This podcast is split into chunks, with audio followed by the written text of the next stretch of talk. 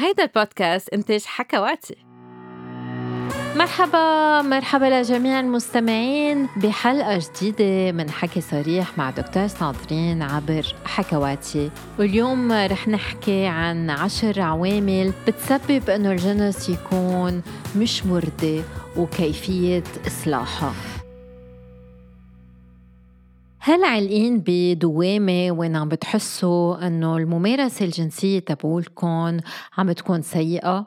هل عم بتمارسوا نوع من الجنس عم يخليكم أنتو والشريك تحسوا حالكم محبطين أو غير سعيدين؟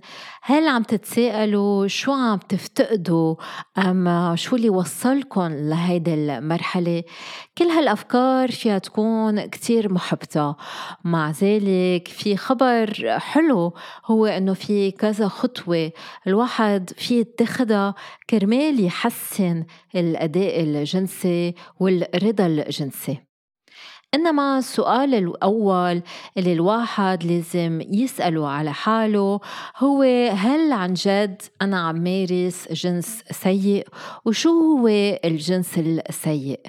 الجنس السيء أم الجنس الغير مرضي؟ في يعني كتير أشياء مختلفة لكل ثنائي ونفس الشيء بينطبق على الجنس الجيد أم good sex كمان. فشو هو الجنس الجيد أم المرضي والجنس السيء أم الغير مرضي؟ أولا كتير مهم إنه نعرف شي فيكون سيء لإلكن فيكون رائع لغيركن. جمال الجنس أم أحيانا حسناته هو إنه كلا الشريكين بيحتاجوا لشعور بالرضا بانتظام للخروج من الفئة اللي بنسميها الفئة السيئة. يعني هذا الشيء مرتبط بشعوركم الذاتي بالاكتفاء وبالرضا الجنسي. وبما إنه كل واحد منا فريد عن غيره فمن المنطقي إنه يكون نقول هالشي سهل بس إنه تطبقه يكون أصعب. بالنهاية حتى إذا أحد الشريكين كان مفكر إنه الجنس رائع والآخر عم بيفتكر أم عم بيحس إنه الجنس غير مرضي فبتضل الممارسة الجنسية بيناتهم سيئة. بمعنى آخر بدكم تفكروا بالجنس الجيد كلعبة بيفوز فيها الجميع وما حدا بيخسر يعني بدهم يكونوا الشريكين راضيين. فشو لازم الواحد يعمل إذا حياته الجنسية منا مرضية لاحقا؟ كتار بيفكروا أول تفكير بيجي على راسهم أم أول فكرة بتجي على راسهم هو أنه خلص لازم ننفصل أم لازم نطلق. لأ قبل ما تفكروا بأي انفصال أم بأي طلاق الواحد في يفهم شو هن شو الأسباب للجنس السيء ويبلش يصلحها. لأنه إذا ما فتشتوا على الأسباب فيكم ترجعوا تواجهوا نفس المشاكل بعلاقة جديدة. فما لازم تهربوا من العلاقة بالعكس لازم تفهموا شو عم بيصير مزبوط تا تشتغلوا تعطوا الوقت تشوفوا إذا قادرين تحسنوا هالعلاقة أم لا. فركزوا أول شي على التحسن بممارسة الجنس وتذكروا أن الجنس هي مهارة. يعني الواحد بيتعلمه ومع الوقت بيصير يكتسب مهارات جديدة. بتتمثل الخطوة الأولى لحل مشكلة الجنس السيء بتحديد المشكلة أم المشاكل.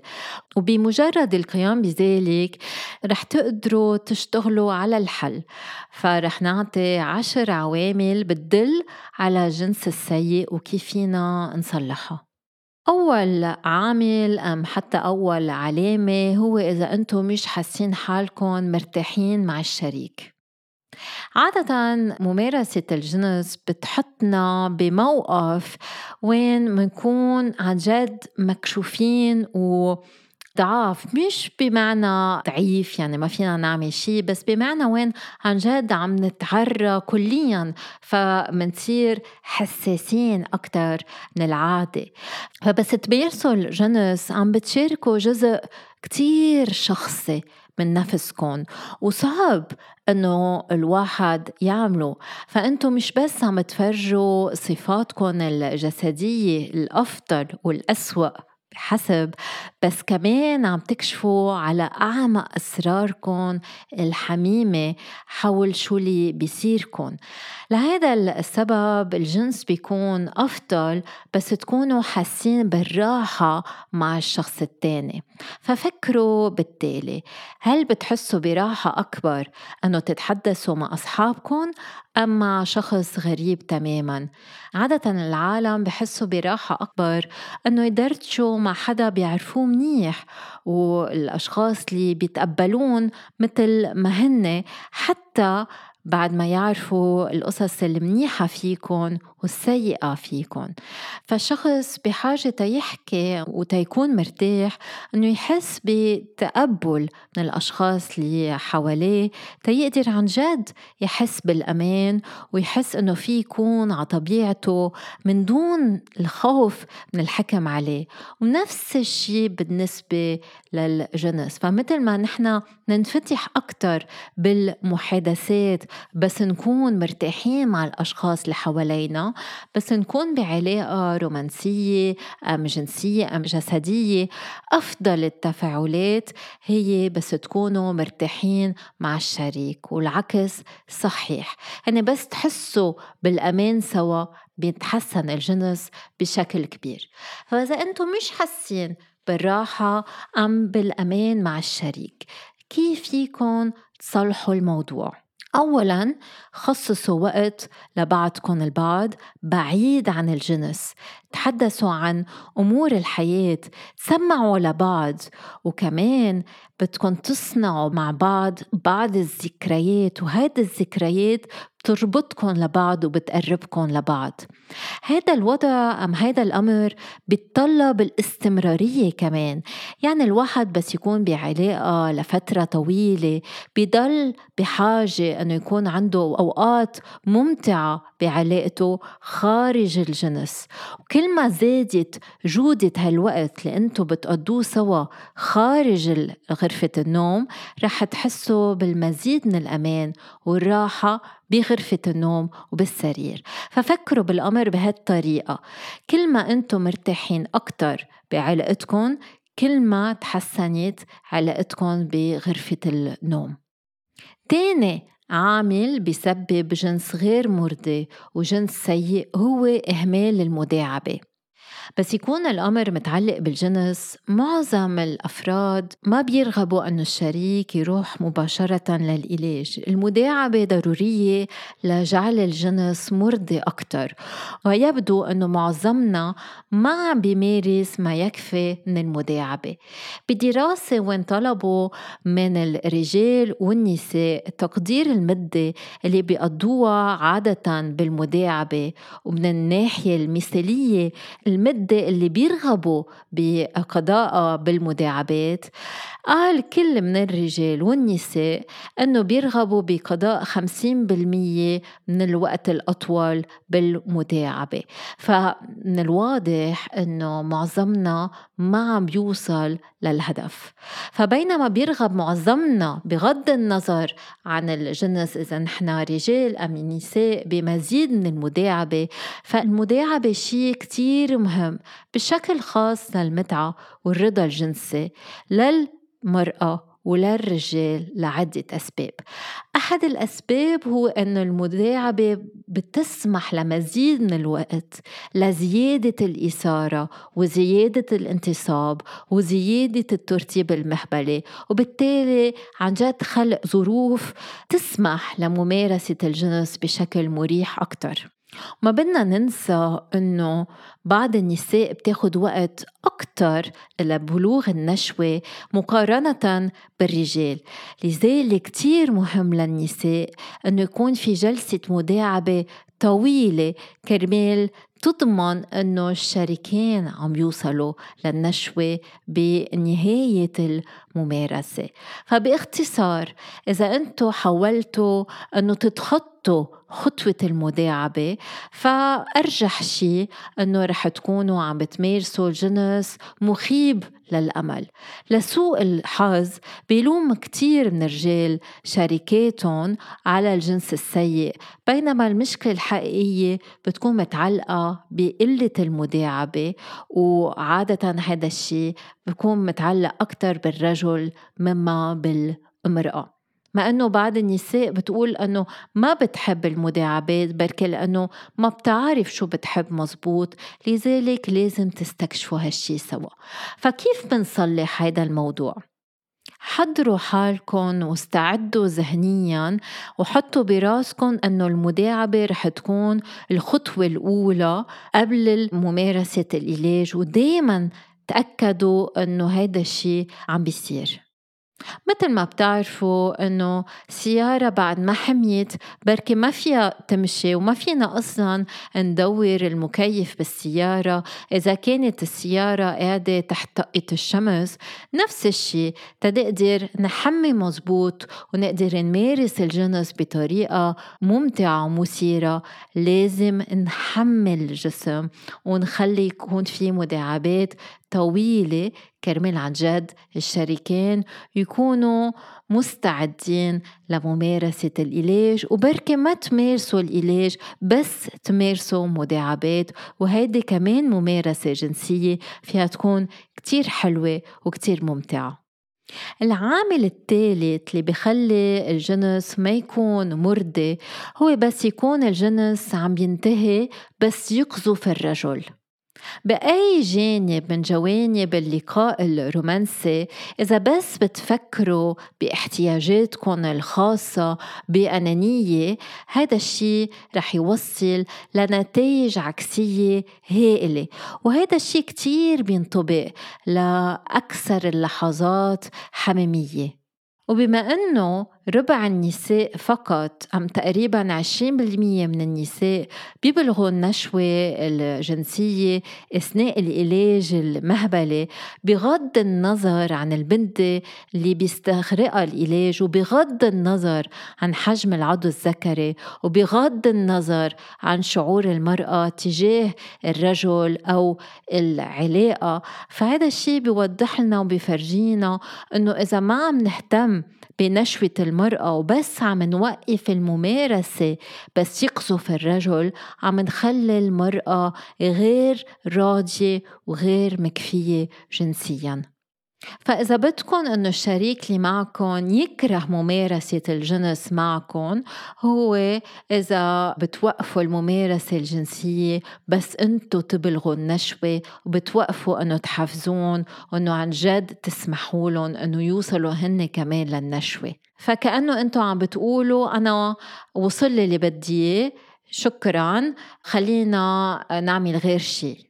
إذا أنتم عم تبلغوا النشوة الجنسية بدون ما تعطوا الشريك اللي معكم الفرصة للاستمتاع بنفس الشيء هذا الشيء بيؤدي إلى جنس سيء بس كمان في يؤدي لمشاكل بيناتكم بعلاقتكم وبخناقات بيناتكم. بيشبه الأمر نوع ما كأنكم رايحين لمباراة كرة قدم أو فيلم مع الشريك وإن أنتو ما فيكن تفوتوا وبس واحد منكم في يفوت يحضر المباراة أم الفيلم والشخص التاني قاعد ناطر برا. هذا الشيء هبل شوي لا فبس تفكروا بالجنس بنفس الطريقة إنه واحد منكم عم بيوصل للنشوة فبيكون الوضع من نفس السخافة. كيف بدنا نصلح الموضوع؟ تذكروا أنه الجنس الجيد ما بينتهي إذا أنتوا قدرتوا تلبوا احتياجاتكم أنتوا. بعض الأوقات بده يركز الأحد منكم على تلبية احتياجات شريكه من دون أنه يتوقع أم يطلب نفس الشيء بالمقابل وهذا الشيء كتير حلو. في البعض رح يقولوا بس أنا الشخص اللي معي ما بيهمه إذا هو انبسط أم ما انبسط بس بيهمه بينبسط إذا لبى احتياجاتي أنا. وما بيتوقع أنه ما بده حتى أنه بدله بالمقابل. هيدا الشيء في يكون حلو من وقت لوقت بس إذا بتفكروا فيها ما فيها تكون القعدة. ما فيكم تكونوا بس عم تاخدوا ما عم تعطوا. لأنه بنهاية الطريق مع الوقت. هذا الشيء رح يسبب عدم رضا ورح يخفف رغبة الشريك اللي معكم لأنه ما عم يكون في نوع من مكافأة من الممارسة الجنسية أو من اللذة الكافية كمان هذا الشخص يرجع يطلب الممارسة الجنسية. فكونوا حساسين للشخص التاني وتعلموا مع الشخص التاني كيف بيبلغ النشوة بأي طريقة بحب أنه يتحفز لقدي وقت بحب أنه يتحفز وعن جد تسمعوا للشخص التاني. وحطوا محلكم محل الشخص التاني. هل تتقبلوا إنه تمارسوا الجنس مع الشريك وبس هو أما هي تبلغ النشوة؟ وإنتو ما تبلغوا النشوة بس يخلص الشريك يتركن لوحدكن؟ لأ. فليش عم تعملوا نفس الشي بالشخص التاني؟ عامل آخر في يأثر على الممارسة الجنسية وأدي للجنس السيء هو عدم الاهتمام بالنظافة الشخصية أثناء ممارسة الجنس. في يبين الأمر بديهي بس في بعض الأشخاص ما بينتبهوا لهذا الشيء. الرجال والنساء رح يحسوا بالإشمئزاز بس يكون في عدم اهتمام بالنظافة الشخصية. وفي دراسة حتى أبدت أنه معايير النساء أقل من معايير الرجال بمعنى أنه بس يكون الموضوع متعلق بالجنس النساء أكثر حساسية لأشياء مثل سوء النظافة الشخصية. الواحد ما بده يكون خبير أم عالم تيعرف كيف يمكن أنه هالمشكلة تؤدي لمشاكل جنسية. تنعطي مثل. إذا رجعتوا على البيت من الجيم وكنتوا عرقانين كتير وقررتوا تمارسوا الجنس مع الشريك من دون ما تتحمموا قبل فأكيد هذا الشيء رح يضايق الشريك. هذا متعلق بعدم اهتمامكم لاستخدام مزيل للعرق أم تاخدوا شاور أم دوش أو كمان تفرشوا أسنانكم أم تهتموا بغير أمور متعلقة بالنظافة اللي هي كتير أساسية. أكيد النظافة الشخصية السيئة شيء كتير شخصي وذاتي. في بعض الأشخاص بيقرفوا من ريحة تم بشعة من ريحة العرق. في بعض الأشخاص الأشخاص رح يكونوا معلقين على أمور بعد دقيقة أكتر. يعني كتير بهمهم إنه الشخص يكون مفرش أسنانه مزبوط حاطط نوع من العطر أم بارفان قبل ما يمارس الجنس يكون آخذ حمام كامل قبل ما يصير في ممارسة. فكتير مهم إنه تعرفوا شو في يزعج الشخص التاني وكتير مهم إنه ما تتضايقوا إذا الشخص التاني قالكم إنه هو متضايق من ريحة الفم. أم من ريحة الأعضاء التناسلية أم آه، من ما بعرف قلة النظافة. هذا الشيء طبيعي ومنه متجه ضدكم كيف بتصلحوا الموضوع؟ بطريقة كتير سهلة. أنه دايما تنظفوا حالكم قبل الممارسة الجنسية تتقدروا اثنيناتكم تقضوا وقت ممتع. واسألوا اسألوا الشريك شو بهمه بالنسبة للنظافة الشخصية قبل ممارسة الجنس. لأنه إذا ما سألتوا الشخص التاني رح تتفاجئوا من الحقيقة. على القليلة بس تسألوا بتعرفوا وجهة نظر الشخص التاني وفيكن تكونوا عم بتناقشوا نفس الشيء مع الشريك إذا كان عندكم مخاوف أو تفضيلات خاصة بالنظافة كمان. وبس تعطوا رأيكم تأكدوا أنه عم تعملوه بطريقة مش عدائية يعني ما تهاجموا الشخص التاني أم تنتقدوا الشخص التاني بس أعطوه رأيكم بالنسبة للنظافة. المفتاح هو أنه تعرفوا معايير النظافة الفريدة للشريك تبعولكم تقدروا تتمكنوا من إثارة إعجاب هذا الشريك. بس تكونوا متفقين ما رح يكون صعب أنه تحسنوا هذه النقطة. عامل آخر في يسبب ممارسة جنسية سيئة هو عدم التواصل مع الشريك. الفشل بالتواصل مع الشريك من أسهل الطرق لممارسة الجنس السيء. تخيلوا أنه فتوا على مطعم قعدتوا على طاولة ورفضتوا أنه تقولوا شو بدكم تاكلوا للغدا. كأنكم عم تتوقعوا إنه الشخص رح الويتر اللي آه، رح يجي آه، يطلب الطلبية يعرف مزبوط إنتو شو بدكم شو رح يصير برأيكم؟ هلأ فيكون حظكم كتير حلو يقدموا لكم بالمطعم وجبة غدا كتير طيبة بس من المرجح إنه آه، ما يكون الوضع بهالطريقة وما تنبسطوا بالأكلات لأنه تاكلوا شيء أنتم بالأساس ما طلبتوه ما حبيتوه. بنفس الطريقة التواصل بغرفة النوم كتير مهم. وبهالطريقة رح تقدروا تعرفوا شو بده الشريك لأنكم ما فيكم تقروا بأفكار الشخص الثاني ما في غير طريقة.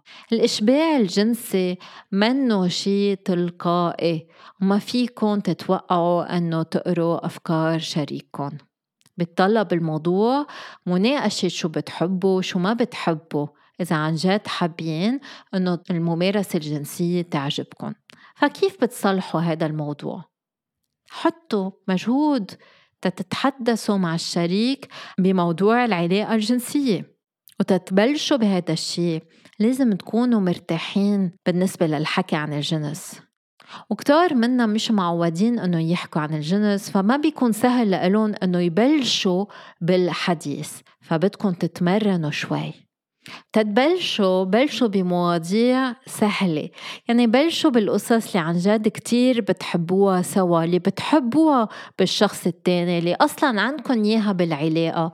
قبل ما تبلشوا بالأمور اللي صعبة شوي أكتر وبتتعلق بأمور بركي أنتم ما عم بتمارسوها لأنه بعد ما حسيتوا بالراحة الكفاية تحكوا عنها بس بدكم تحكوا عن رغباتكم والأمور اللي بتعطيكم إثارة دايما انتبهوا كيف رح تقولوا هيدا الشي. ما بدكم تقولوا الحكي كأنه هو انتقاد. عن جد خبروا الشخص التاني انتو شو بتحبوا. بس دايما أكدوا على تقديركم للشخص التاني. قديه بتقدروه أنا كتير بحب ممارسة الجنس معك معك بس بعتقد إذا عملنا هيدا الشي في يكون كتير مثير لإلنا. وإذا بلشتوا تحسوا حالكم محبطين بس تحكوا عن الجنس خليكن رايقين إذا انزعجتوا وسكرتوا الحديث. هذا الشيء رح يكون نوع من التحدي لإلكن ورح يضايقكم بعد أكتر بس رح تمارسوا الجنس المرة الجاي لازم الواحد يقدر يحكي ويقول هذا الموضوع مزعجني شوي. انتبهوا رجعوا وجهوا المحادثة لشي فيكون مثمر وإيجابي. بعدين تذكروا إنه الفشل بالتواصل آه، بالنسبة للأمور اللي بتحبوها جنسيا في يكون أحد أعراء مشاكل التواصل الأوسع بالعلاقة. فبركي عندكم صعوبة أنه تحكوا مع بعض عن غير مواضيع كمان. بهالحالة لازم تشوفوا مستشار للعلاقات كرمال تحسنوا التواصل بيناتكم. عامل آخر في خليكم إنه ما تمارسوا الجنس بطريقة آه، مرضية. هو إذا ما عم تفهموا الإشارات الغير اللفظية تبوت الشريك. يعني اللي انتو بالنسبة لإلكن هو علامة إثارة أم علامة رضا أم علامة قبول ومتعة. بركي ما يكون عن جد تعبير عن متعة أم قبول أم حتى رضا ولذة. وبس الواحد يفوت بروتين العلاقة الحميمة فيكن ما بقى تكونوا عم تهتموا بهالإشارات غير اللفظية للشريك وهذا في يكون كتير مؤذي. وفي دراسة فرجت أنه بالنهاية الحديث الجنسي هو أكتر غير لفظي مما لفظي. لأنه منلاقي أسهل أنه نتواصل بأجسادنا بدلا من ما نقول القصص بصوت عالي. خاصة بس يكون متعلق الموضوع بشي هالقد شخصي وعميق مثل الجنس. وبركي بالأول ما تكونوا بحاجة أنه عن جد تقروا الشخص التاني مزبوط لأنه تخيلوا أنتوا عم تزوروا بلد جديد ومتفاجئين بكل شي عم بتشوفوه مدهوشين بكل شي عم بتشوفوه. إنما مع الوقت بس تصيروا معودين لهذا المحيط رح يكون في حاجة أنه تكونوا واعيين أكتر للمحيط تتفهموه أكتر. وهذا نفس الشيء بالنسبة للعلاقة الجنسية لازم عن جد تقدروا تقروا الشخص مزبوط تتقدروا تستمتعوا سوا. كيف بتصلحوا الموضوع؟ فكروا بوعي بالشخص اللي بحياتكم. ركزوا كل انتباهكم على إرضاء الشريك. تغزلوا بجسده وانتبهوا للإشارات الغير اللفظية. الطريقة اللي بحرك فيها جسمه التغيرات بالتنفس الآهات الأنين كلها هن أدلة للشعور واللذة الجنسية. وحافظوا على التواصل البصري دايماً. أكتر شي رومانسي بالممارسة الجنسية هو هالتواصل البصري. ومع ذلك مع الوقت في كتار ما بيعودوا بيطلعوا ببعض بصير يتلاشى هيدا التواصل البصري.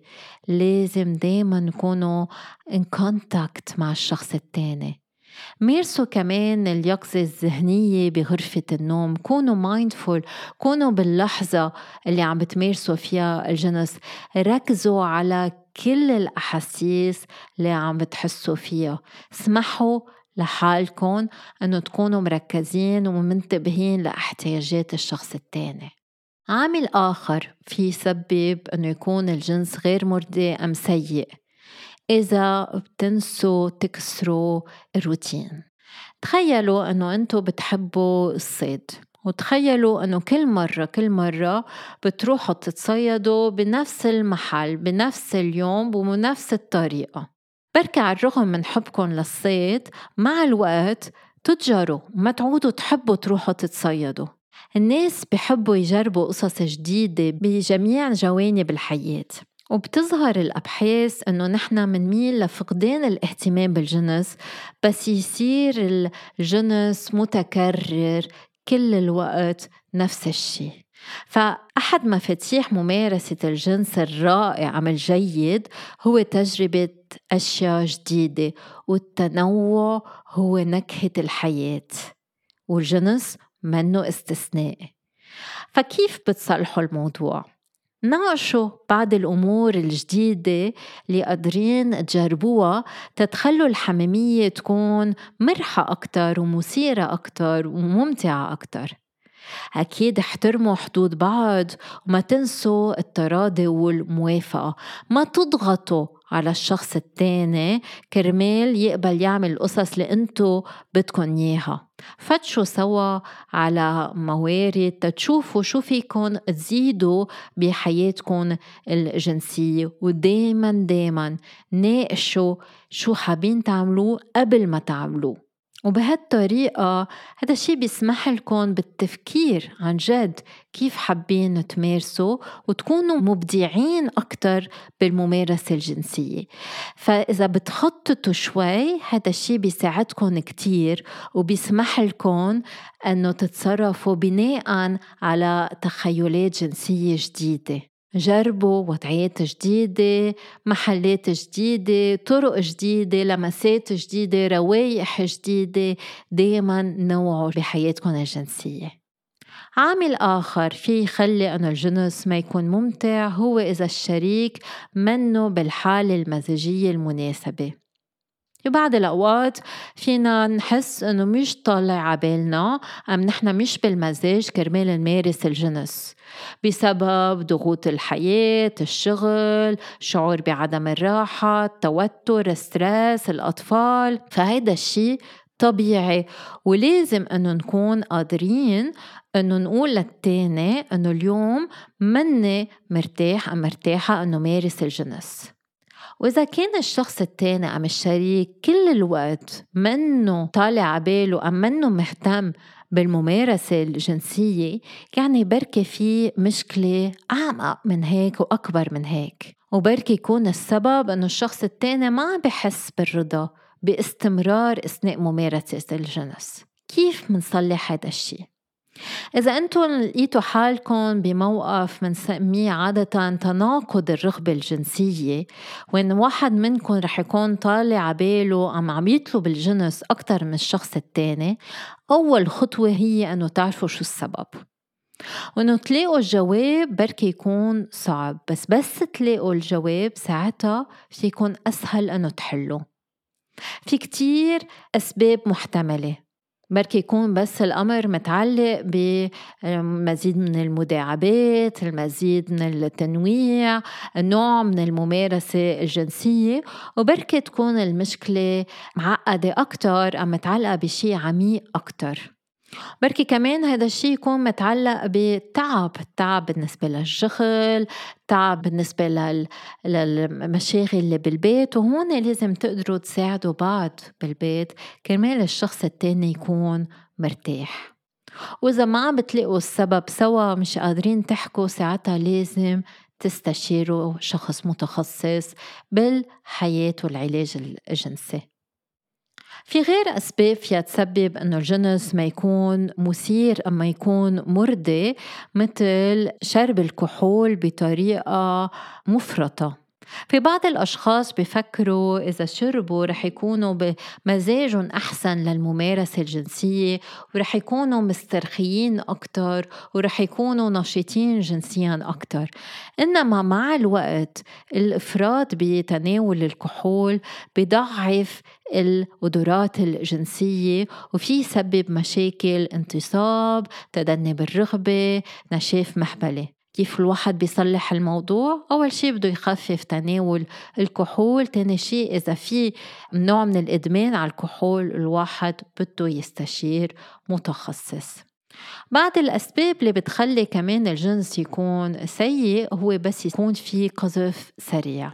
إذا مش قادرين تتحكموا بالقذف تبعولكم فبتضلكم خايفين إنه تقصفوا بسرعة ومش قادرين تداعبوا الشريك اللي معكم تتوصلوا الشريك للنشوة وكل ما تبلشوا بالعلاج بيكون القذف سريع. فأم أم أنتم بتحسوا بإحباط؟ أم الشريك اللي معكم بحس بإحباط؟ لازم أولا تحكوا مع الشخص التاني تتعرفوا إذا هيدا مشكل أم لا. لأنه إذا أنتم عم بتمارسوا الجنس مع امرأة بركي هي بالنسبة لها ما يكون مشكل إذا هي بتوصل للنشوة بالمداعبات.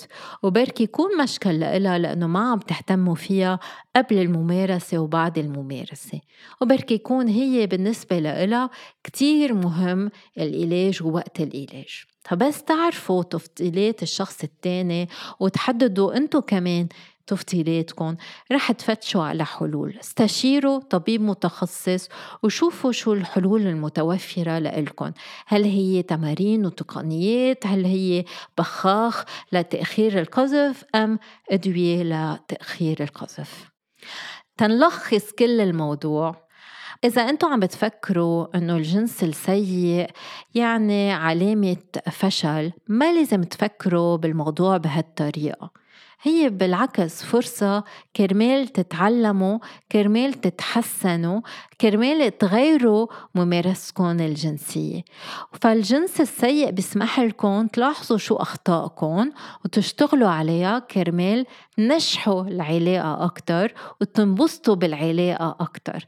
دايما في تحديات بالعلاقة الجنسية تعودوا أنه تحكوا مع الشخص التاني وفكروا سوا تتلاقوا حلول. وهيك تنتهي حلقتنا لليوم. شكرا لكل المستمعين. ما تنسوا تبعتونا أسئلتكم بخانة التعليقات وتشتركوا بالبودكاست. يلا باي باي.